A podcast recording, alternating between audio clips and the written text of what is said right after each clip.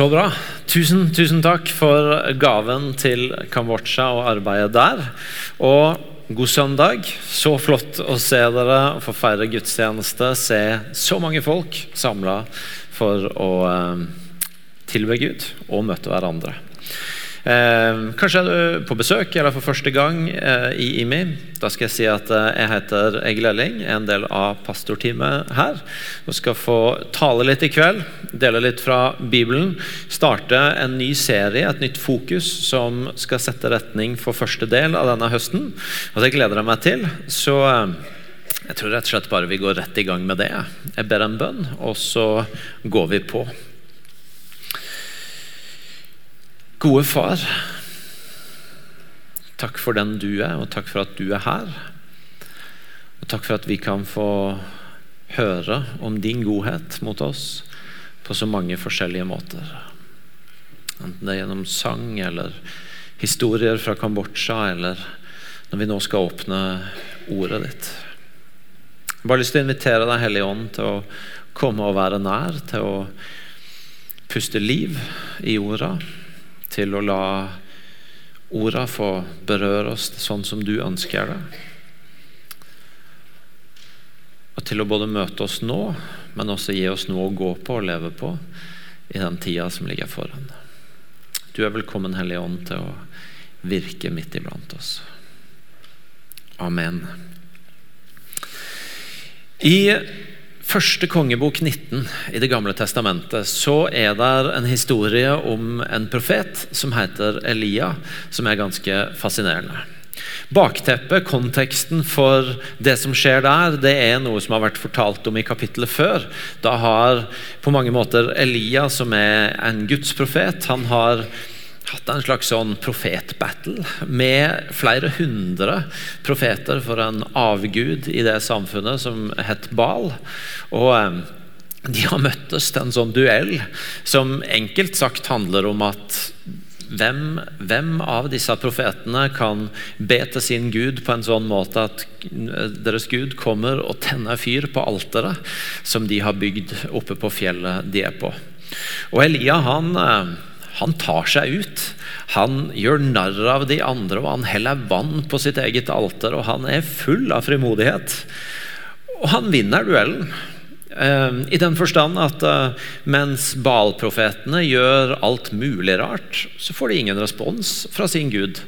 Men eh, Elia han eh, ber til, ber til Gud, den Gud som vi kjenner, som vi snakker om her, som vi lærer om i Bibelen.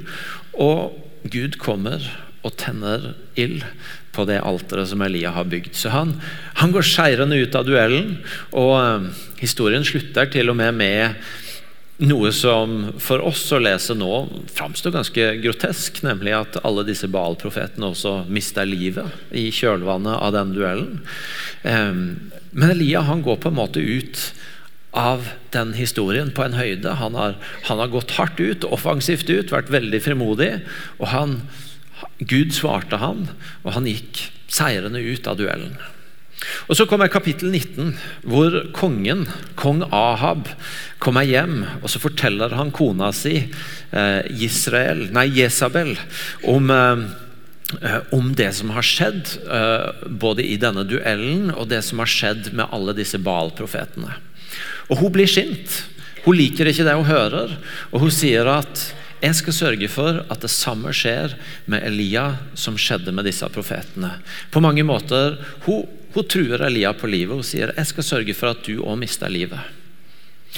Og Plutselig så er Elia, som var så frimodig og så høyt oppe, på et helt annet sted. Det står at eh, da ble Elia redd, og han skyndte seg av sted for å berge livet. Elia, som har vært der oppe, er plutselig livredd, og han rømmer av gårde i et håp om å berge livet. I 1. Samuels bok 18 så er det en annen spennende historie om en annen troshelt i Det gamle testamentet. David, han som vi etter hvert skal kjenne som den store kong David, men som idet vi kommer inn i historien her, fortsatt er en ung gjetergutt som jobber med å gjete sauene til sin far, og som er minstemann i søskenflokken, og som har en anonym rolle. Han han er en del av et folk, eh, israelsfolket, som er i krig med filisterne. Og eh, Det går rykter om at eh, filisterne har en kjempe som heter Goliat, som trer fram og håner hæren til israelitten. og eh, ja, på en måte driver med dem, gjør narr av dem, truer dem.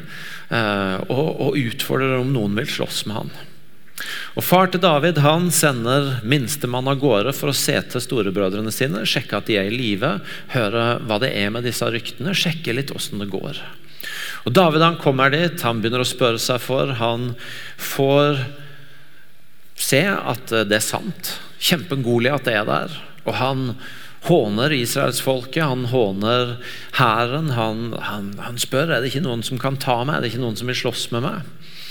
Og og David han er ganske frimodig. Han, eh, han, spør og graver. Han får høre om belønninga som gjelder for de som, eh, de som vil kjempe med og, og, eventuelt klarer å slå Goliat. Og, eh, og, han ender opp i en situasjon hvor han er der med å si jeg kan ta det.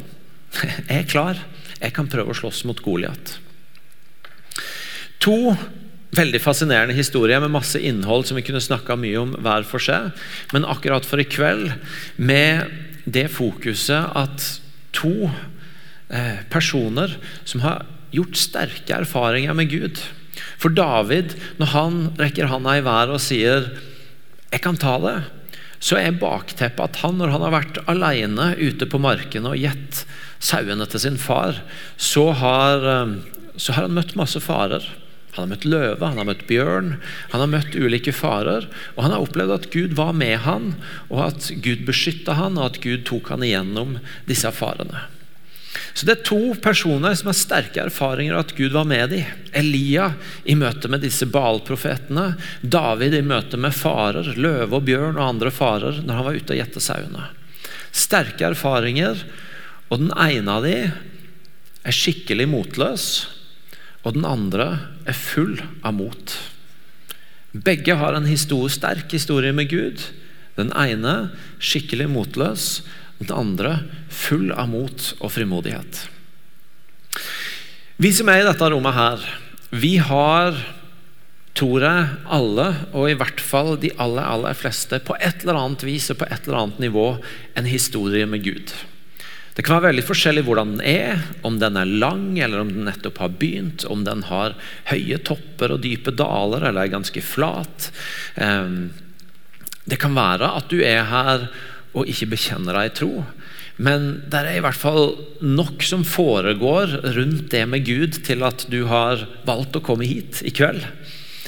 Um, Egil Svartdal, kjent sånn TV-pastor og god venn av dette huset, han har i mange år laget TV-program av å snakke med mennesker, ulike mennesker om livet og om tro. Snakka med folk som bekjenner ei gudstro, folk som er litt åpne, ikke helt vet hva de tror på. Folk som er veldig tydelige på at 'jeg bekjenner ikke ei tro'. Og Han sier at alle mennesker har en livshistorie. Og For de aller fleste så finnes det inni den livshistorien en troshistorie. Det kan være forskjellig hvordan den ser ut, hvordan vi formulerer den, om den har uttrykk av en klar bekjennelse av tro, eller er mer spørrende, eller har hendelser i seg som kanskje til og med har gjort at den har valgt å vende seg bort fra å tro. Men de aller, aller fleste av oss, eller alle av oss, har en historie, og inni der så vil det som oftest finnes et eller annet som har med tro å gjøre. For min del så har jeg vokst opp i et kristent hjem, og jeg har aldri eh, tatt avstand fra det. Jeg har alltid levd med den forståelsen at jeg tror på Gud, det er en del av hans, hans familie, hans rike. Og det har, det har på en måte fulgt mitt liv så lenge jeg vet. Og jeg ser at i min troshistorie så er det forskjellige sesonger. Det er ulike sesonger, faser, hvor ulike ting er kjennetegna. Når jeg var i tenåra, så, så, var jeg masse med som leder og, og, var engasjert i, tok ansvar, bidro på mange forskjellige ting. Enten det var leirer eller i skolelag eller i andre ting. Og, og Det var en sesong i livet mitt som annet var kjennetegna at det å få lov til å være med, det å få bidra, det å, det å være med inn og gjøre ting, det, det ga meg en dyp opplevelse av mening.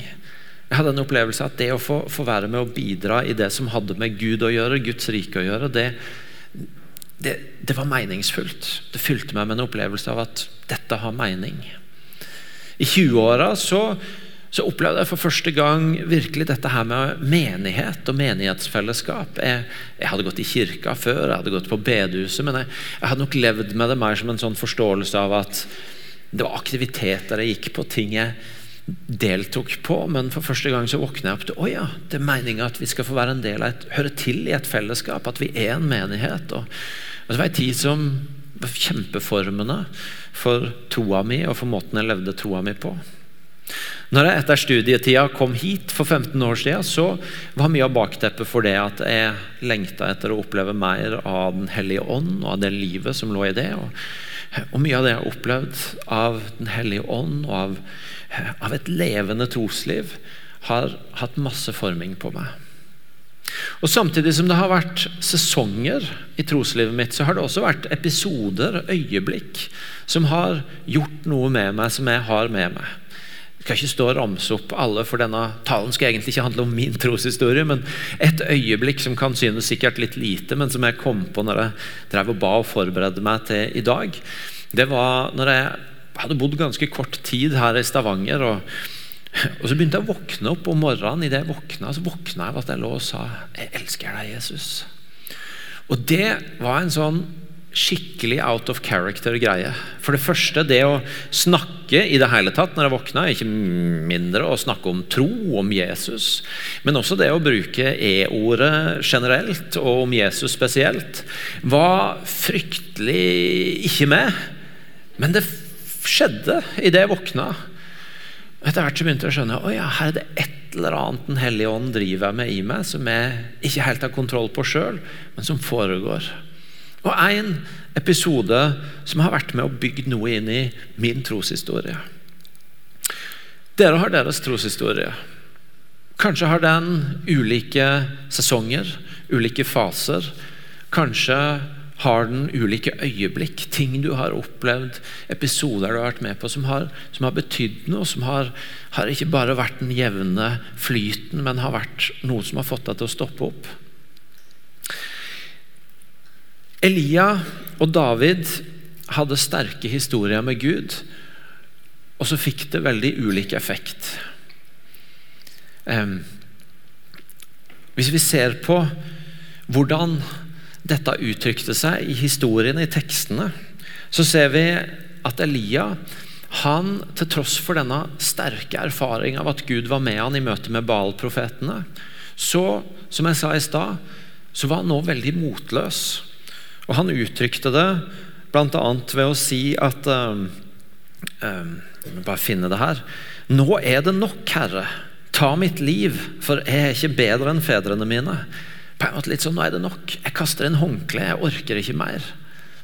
Og Så sier han litt mer utfyllende i vers 10, når Gud spør hvorfor er du her, Elia. Jeg har vist brennende iver for Herren, herskarenes Gud. For israelittene har forlatt din pakt, dine altere har de revet ned, og dine profeter har de drept med sverd. Jeg er den eneste som er igjen, og nå står de meg etter livet. For Elias så er det å se tilbake på det Gud, reisen han og Gud hadde hatt, troshistorien hans. Det ble til en sånn Jeg har gitt alt, og her står jeg. Jeg trua etter livet. Folk har ikke begynt å følge Gud. Og så blir han skikkelig mismodig. Og troshistorien, de erfaringene, sesongene, øyeblikkene vi har med Gud, de kan jo bli en sånn tilbakeskuende Ja, det var den gang da. Tenk den gangen som jeg, som jeg var så ivrig på å fortelle andre om Jesus, eller jeg fikk så mye ut av å lese Bibelen, eller jeg opplevde Guds nærvær så sterkt. Da, men ikke nå. Og Jeg snakker jevnlig med noen jeg som snakker om sin vandring med Gud nærmest med en sånn litt sånn resignasjon eller skuffahet, enten over seg sjøl eller over Gud. At ja, det var, det var de tiende der og så blir det at det ikke ser helt sånn ut nå, at en ikke erfarer det sånn nå, til en litt sånn resignasjon eller mismot. Men så har du David, da. Som vi sa, han var full av mot. Han sier jo i møte med dette Ingen må miste motet. Din tjener skal gå og kjempe med denne filisteren. Davids utgangspunkt er ingen må miste motet. Jeg tar den. Og så sier han litt mer utfyllende i vers 34. Din tjener har gitt småfe for sin far. Kom det da en løve eller en bjørn og tok et fe fra flokken, sprang jeg etter den, slo den og reiv feet ut av gapet på den. Og reiste den seg mot meg, greip den i manken og slo den i hjel. Både løve og bjørn har din tjener felt, og det skal gå denne uomskårne filisteren som de, for han har hånt den levende Guds hær. David derimot, han er altså full av mot. Han ser tilbake på det han har opplevd med Gud. Og så blir det et utgangspunkt for å si hvis Gud har kunnet gjøre det da, så kan jeg møte dette med frimodighet.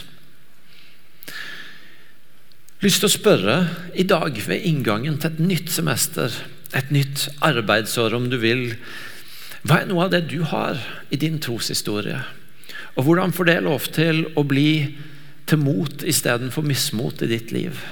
Hvordan får det lov til å bli noe som gir deg frimodighet på at ja, jeg har med meg disse tinga. Jeg vet at jeg vet, fordi Gud gjorde. Og så kan det få fylle deg med mot, i stedet for at det blir til mismot.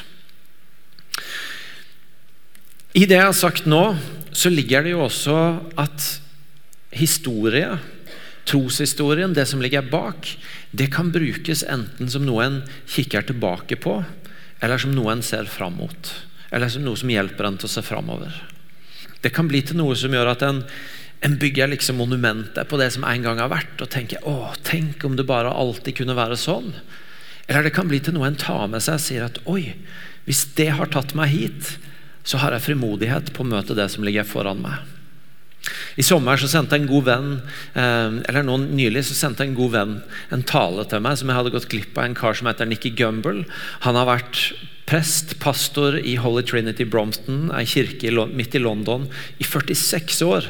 Og I sommer så ga han videre ledelsen til en um, annen.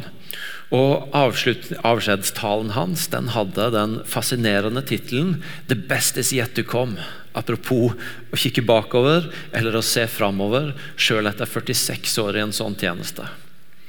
Og i den, um, i den talen så forteller Nikki Gumbel eh, om en episode hvor han, når han skal liksom gå fra å jobbe i kirka til å overta ledelsen, så, så, har han motstand på det. Han har egentlig ikke lyst til det fordi han er redd for å ødelegge noe, for å forandre for mye. Han har så stor respekt for han som leda før han, og, og han har ikke lyst til å han er redd for at hvis han begynner å forandre på noe, så, så, vil det se ut som at han ikke har respekt for det som har vært. Og så vet han at skal han lede videre, så må han forandre. Og Så forteller han at han går og snakker med sønnen sin om dette.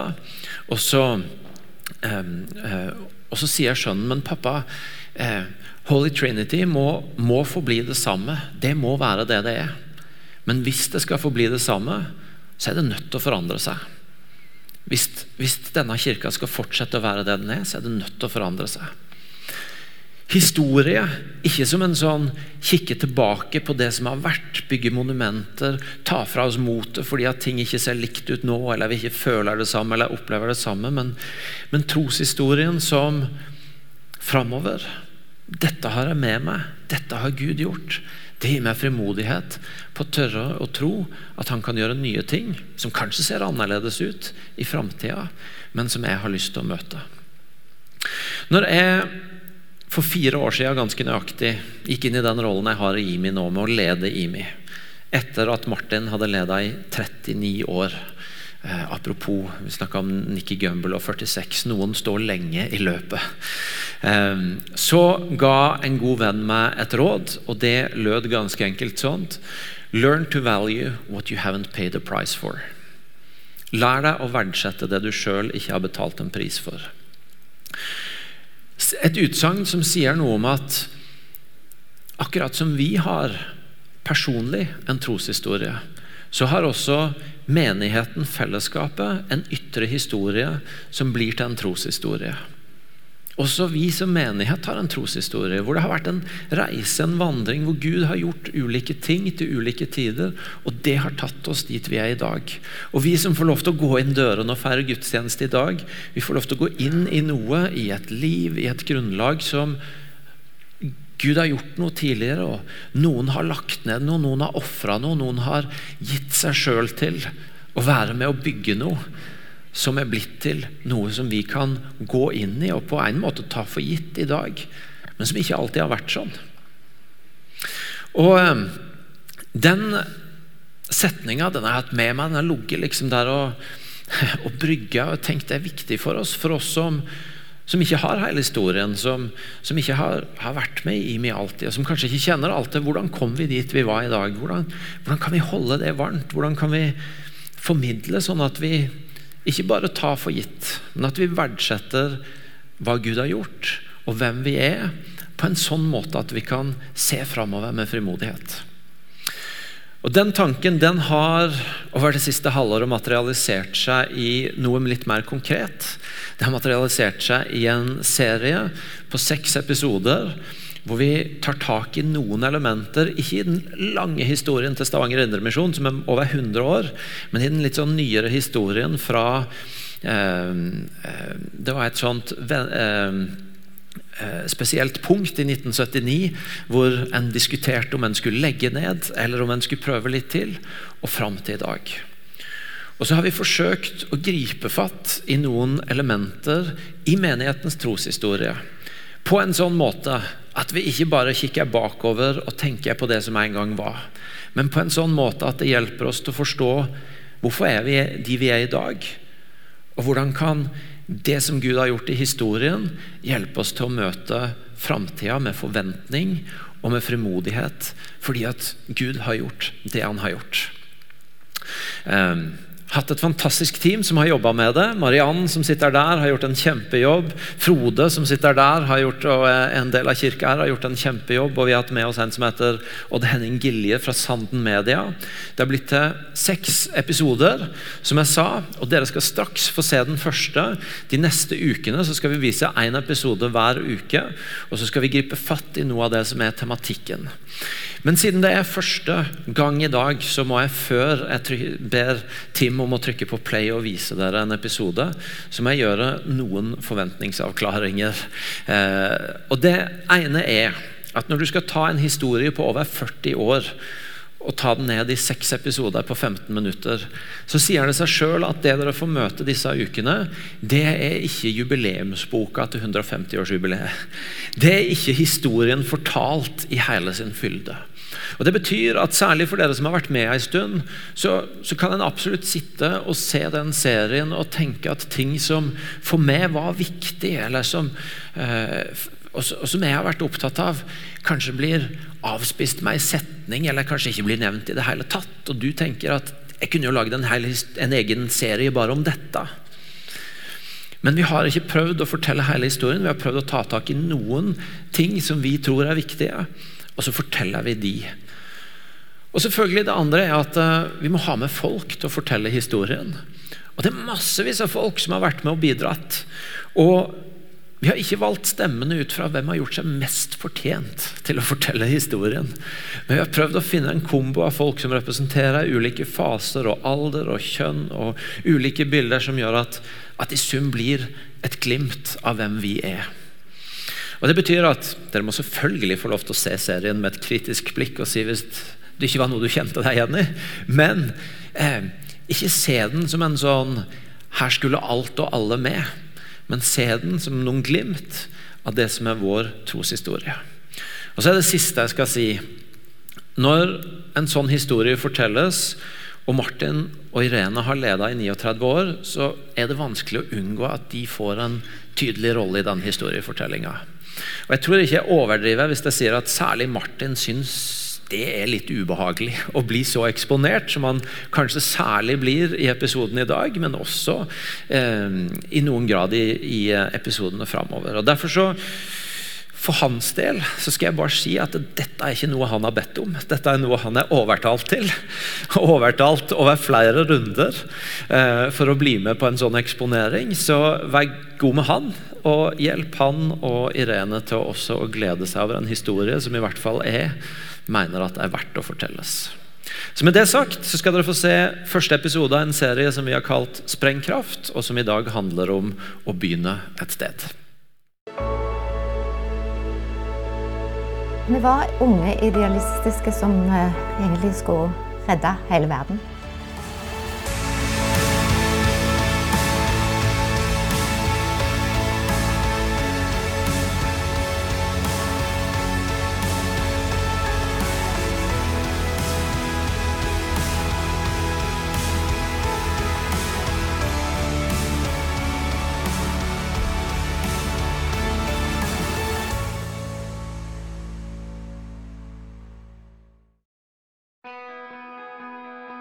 Stavanger by, bygd av handel, olje og store visjoner.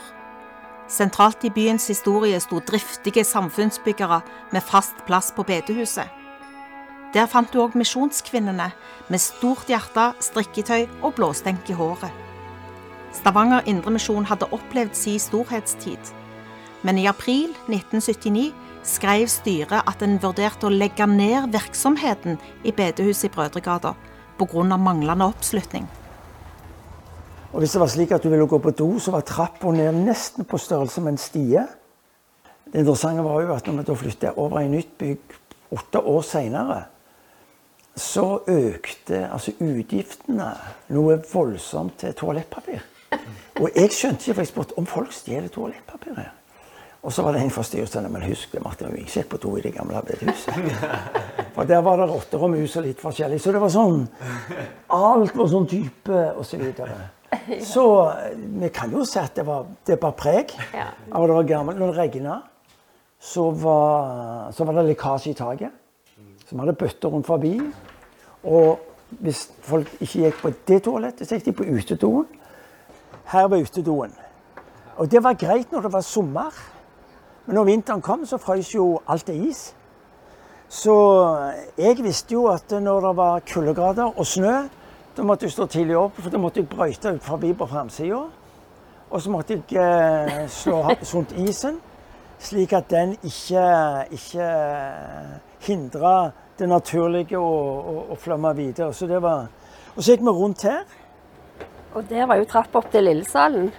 Ja, det, var, det er jo Lillesalen. Der kom du inn i Lillesalen. Det er riktig. Jeg kjenner at det rører meg egentlig å være her. Ja, det var det, Vi har veldig mye Vi har opplevd mye godt i dette huset. Mm, selv om det var åtte hus. Styret for Stavanger Indremisjon sendte brev til en ung, ukjent mann ved navn Martin Cave, og inviterte han til å bli ny bysekretær, som det het den gang. Det kom uventa på mange, og på Martin sjøl. Jeg gikk aldri i kirka, visste ikke hva bedehuset var. Og Jesus var en jeg hadde hørt om på skolen. Så jeg er født i England, derav navnet Cave. Eh, min mor fra Stavanger ble gift med en engelskmann. Eh, et ulykkelig ekteskap på mange måter. Hvor hun til slutt eh, velger å vende tilbake til Norge, til Stavanger. Og lander da her med sin mor som var enke, og sine to søstre.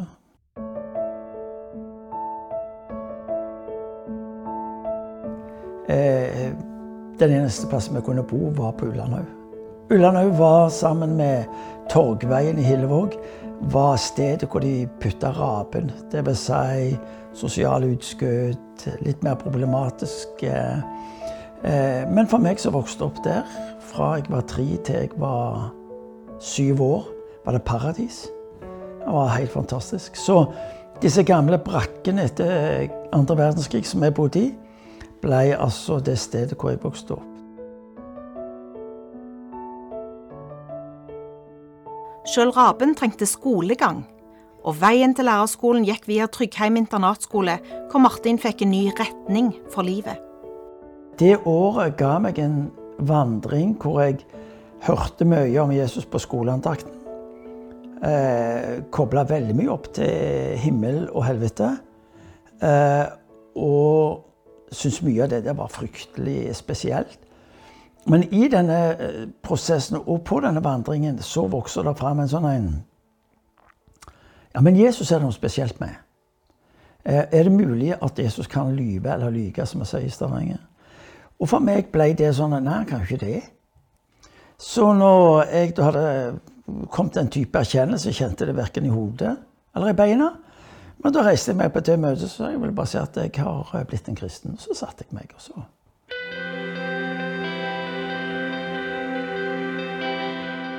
Og det var jo det som gjorde at jeg ble fascinert av han.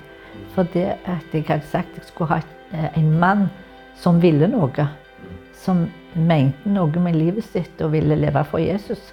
Og det er klart, når jeg så at han han var jo litt sånn spesiell, da. Litt sånn annerledes. For alle sa han brydde seg ikke om, om, jenter. Men det tenkte jeg, det finner vi fort ut av. Men det han hadde, han hadde en drive på å reise ut med evangeliet. Både i Norge og faktisk bak jernteppet. Og da tenkte jeg denne mannen er jeg nødt for å bli mer kjent med.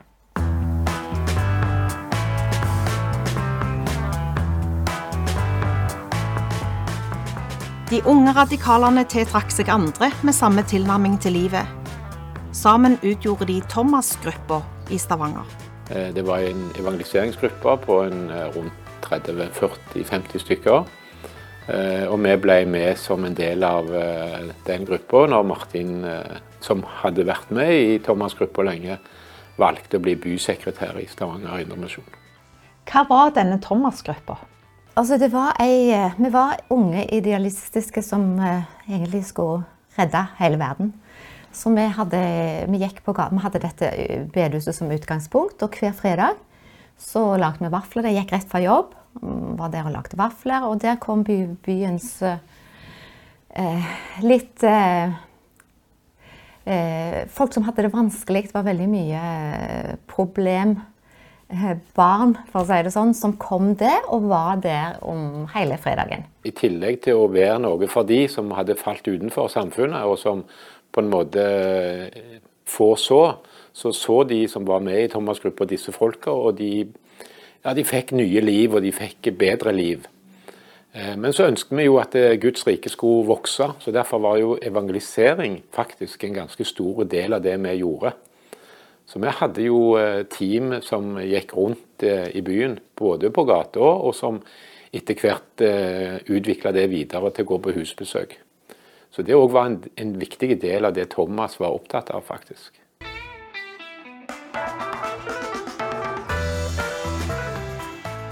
28 år gamle Martin Cave kom inn som en virvelvind i den lille flokken.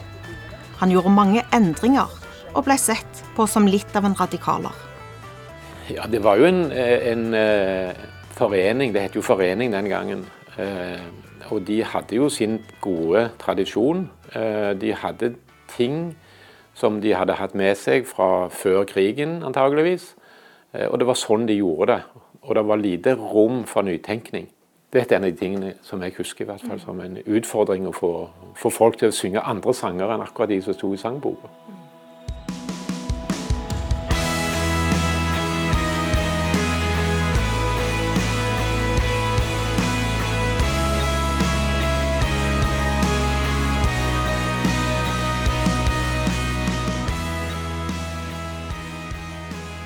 Og, det jeg husker, det var jo den, den, endringen som ble der når Martin ifra å stille spørsmål i oppgavene som var der, hva, hva gjør jeg nå? Eh, begynte å omformulere det ved å si eh, Gud, hva gjør du nå? Så For meg har det vært et veldig vesentlig skifte. Samtidig så, så betyr jo det at av og til så var han veldig uenig. Fordi at eh, det Gud tenkte brøt litt med sånn tradisjonell Eh, oppskrift for hvordan ting skulle gjøres. Og, og jeg som likte å være med og ta ansvar og styre litt, kjente jo at, at det lå absolutt spenning i det i forhold til eh, Martin, da, som representerte eh, ledelsen, den åndelige ledelsen og den praktiske ledelsen av menigheten. Kanskje vi har hatt eh, Vi har ikke hatt alle de forventa språket og måtene å gjøre ting på. som gjorde at folk som ikke hadde en naturlig forhold til kirka, kunne føle seg hjemme. Kanskje det har vært eh, en god ting. Samtidig så har vi jo òg provosert folk som har det etablerte. Og det har jeg aldri hatt lyst til. For jeg har hatt lyst til å ha respekt for andre kulturer, samtidig som vi vil leve vårt liv. Og jeg forsto jo ikke, for jeg fikk gysla mye kritikk. Eh, ikke fra den lille flokken på bedehuset primært, men fra miljøer rundt. Eh, og da var det sånn Ja, men hva er problemet? Eh, vi når jo mennesker med evangeliet. Vi ser menneskeliv, menneskeliv blir forvandla. Men vi gjorde på et vis eh, rett ting på feil måte. Uten at vi hadde sånn en Nå må vi skape eller gjøre noe radikalt. Nei, altså det var hele veien sånn behovsorientert. Dette er det vi må gjøre, derfor gjør vi det. Eh, fordi det kanskje var naturlig for det miljøet som både Irene og meg eh, hadde vært en del av, det jeg hadde møtt i Øst-Europa. Eh, så veien ifra tanke til handling har nok vært veldig kort eh, i mitt liv, også når det gjelder lederskap. Så der andre kanskje kunne lese deg som litt rebelsk, så gjorde du egentlig bare det du tenkte var naturlig? Mitt mål har jo aldri vært å være opprøreren. Men jeg oppdaget jo etter hvert at jeg ble det i kraft av de valg og vektlegginger som jeg hadde. Eh, jeg hadde eh, aldri noe ønske om å skylde. Hele min natur er jo at eh, kanskje jeg bare får lov til å være her.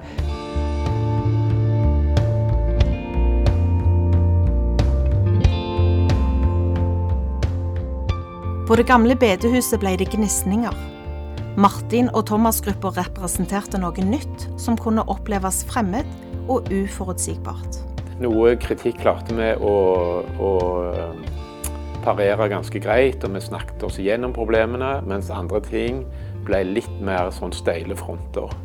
Så det var til, til dels eh, utfordringer for de som da satt i styret, eh, og hvor det ble en del konfrontasjoner som ble tatt opp. Eh, og det ble rett og slett en avstemning, og det ble for og mot. Og da skjedde det noe med at en del folk rett og slett forlot den gamle Stavanger Indremisjon. Og det var leit, for vi ønsket jo ikke å miste noen. Men vi ønsket jo samtidig å, å se at det ble introdusert nye ting, og at det var en menighet som kunne ha vekstpotensial. La meg jo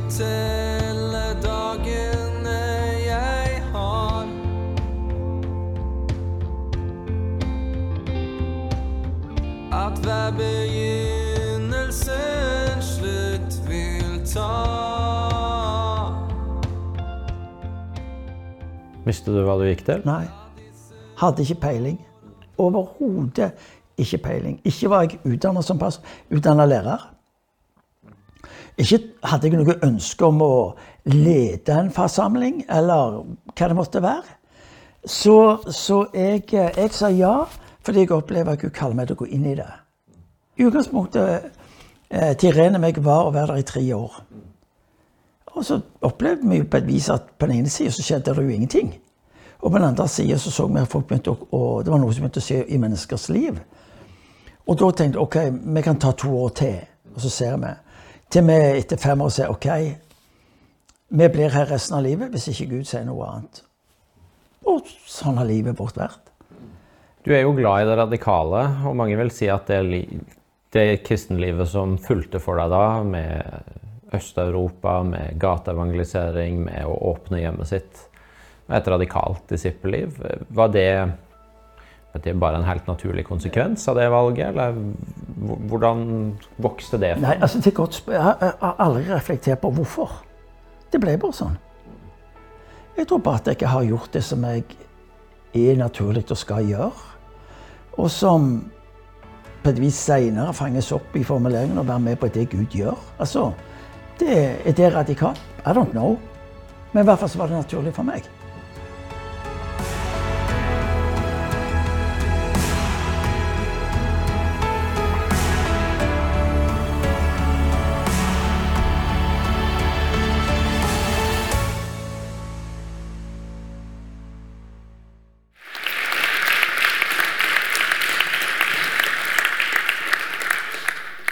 Veldig veldig kjekt å få vise dere dette. Gleder meg til det. Og De neste ukene så skal dere få se fem nye episoder som eh, tar for seg ulike tematikker. I dag så handler det om begynnelser, og jeg skal straks si noe kort om det mot avslutning av talen i dag. Men før det så må jeg hoppe litt ut av manus og stoppe opp et øyeblikk bare for en annen ting. Fordi et av de menneskene som dere så på filmen her, på, på episoden, det var Torstein Gjesteland. Og han, eh, når en snakker om 'learn to value what you haven't paid a price for', så for oss som kommer inn etter hvert, eh, så er han et av de menneskene som har lagt ned så mye av sitt liv i denne menigheten for at vi andre kan få trå inn på noe som er av utrolig høy verdi. Ikke nødvendigvis den som har, eh, i hvert fall ikke mens jeg har vært der, vært mest her oppe og snakka, eh, men som har lagt ned så mye tid, engasjement, kvalitet, bl.a. rundt realiseringa av dette bygget, rundt mye av det som har med næringsdriften vår, og veldig mye av det fundamentet som gjør at vi har ressurser i dag til å satse på mange forskjellige ting. Og På fredag så ble Torstein 70 år. Og det kan vi ikke la passere. Han rister på hodet, men jeg tror det er sant, Torstein. Så dere må gi han en kjempeapplaus, og så må du komme fram og få en applaus.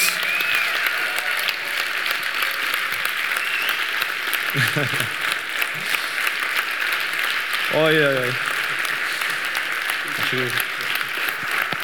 Takk skal du ha.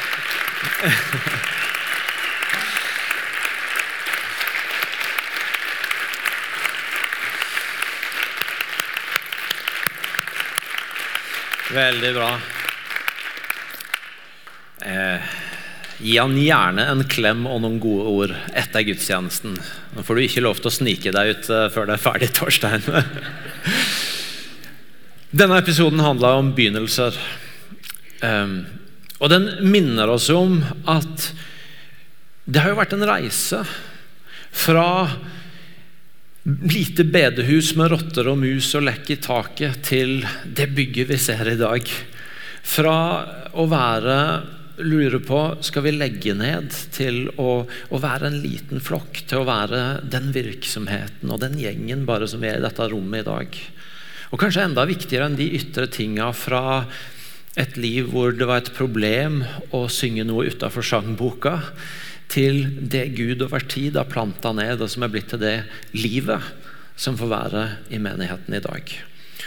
Og Vi forteller som jeg sa, denne historien både for å hjelpe oss til å forstå hvem er vi og for å la det bli til frimodighet på å bygge eh, framtida.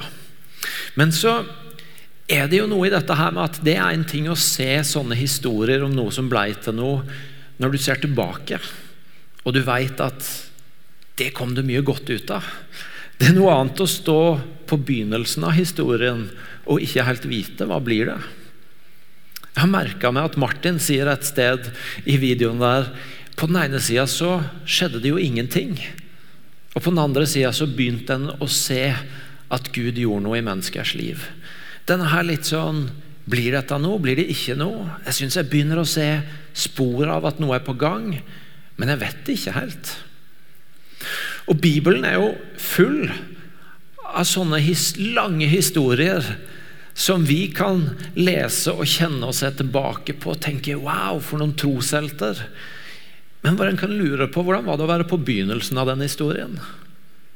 Vi kan se regnbuen på himmelen og tenke på Noah og arken han bygde. For en, for en troshelt. Men en kan jo lure på hvordan det var å være Noah når han hadde hørt fra Gud, og han står der med noe treverk og et eller annet redskap. Jeg vet ikke hva de hadde på den tida. Og tenkte ja, får begynne å bygge et eller annet, da. Og ikke helt vet hvor det bærer. Eller Abraham, som blir kalt for virkelig en av de store fedrene i troen i Det nye testamentet. Og som, som, som hadde en enorm reise med Gud. Men åssen var det for han å ha hørt bare fra Gud at nå skal du ta med deg ditt og dine og bryte opp og reise og, og pakke greiene og stille gjengen opp og Nei, vi, vi får bare begynne på en tur, da. Det er noe med disse begynnelsene som du ikke helt vet hvor fører, hvordan går, hva blir, men som allikevel er en viktig del av livet. Og Når vi nå begynner et nytt semester, så har jeg også lyst til å spørre deg Har du noen begynnelser i livet ditt nå, denne høsten? Kanskje har du noen veldig tydelige ytre ting som er nye. Kanskje har du noen fornemmelser, noen ting som, som Gud har pirka i, eller som du aner at her er det noe, noe du, noe du tror du skal begynne å bevege deg inn i. Har du noen begynnelser denne høsten? Jeg vet i mitt liv, og da snakker jeg ikke om på en måte i min kirken som menighet, men for meg personlig, så vet jeg at inni denne høsten så har jeg noen ting som jeg vet det er skikkelig viktig i høst. Og jeg er nødt til å holde fast på det. Og Vi så også i videoen at, at når en er på en sånn reise, så kan det bli gnisninger, det kan bli spenninger, det kan bli uenighet. Og jeg vet at det er noen ting det må jeg bare holde fast på. Og blir det litt støy, litt spenning rundt det, så må jeg bare tåle det. Men jeg har også noen ting jeg går inn i denne høsten med som er ganske sånn Jeg holder det ganske åpent, ganske løst, for det er en fornemmelse, det er en anelse, det er noe der, men jeg vet ikke helt hva det er. Og, og, og jeg fornemmer at jeg må, må ha dette her speiderblikket. Skjer det noe? På den ene sida kanskje nei, men på den andre sida ja, der er det noe. Og så må jeg være åpen for hva det kan bli til. Hva er begynnelser i ditt liv? denne høsten. For David så ble historien vi har snakka om i kveld, til starten på en enorm reise med Gud og i tjeneste. For Elia så ble det en restart. Han hadde mista motet. Men Gud tok han opp på fjellet og møtte han der, og så sa han nå må du fortsette videre dit, og fortsette i det du gjorde. I Guds rike er det nåden som gjelder, og enten du har hørt det i kveld og blitt minnet om at Kanskje har jeg blitt mer motløs enn modig. Så er det alltid mulighet for å begynne på nytt. Og for å hente fram historien til en ny start og til en ny vandring med Gud. Dette er en prosess vi har lyst til å ha dere med i. Og Det handler selvfølgelig ikke bare om å høre en tale i kveld, men det handler om å reflektere, snakke om prosesser. og Derfor har jeg tre spørsmål til dere som dere kan ta med hjem på kjøkkenbordet, til huskirka, på turen ut og gå med noen du er tett på.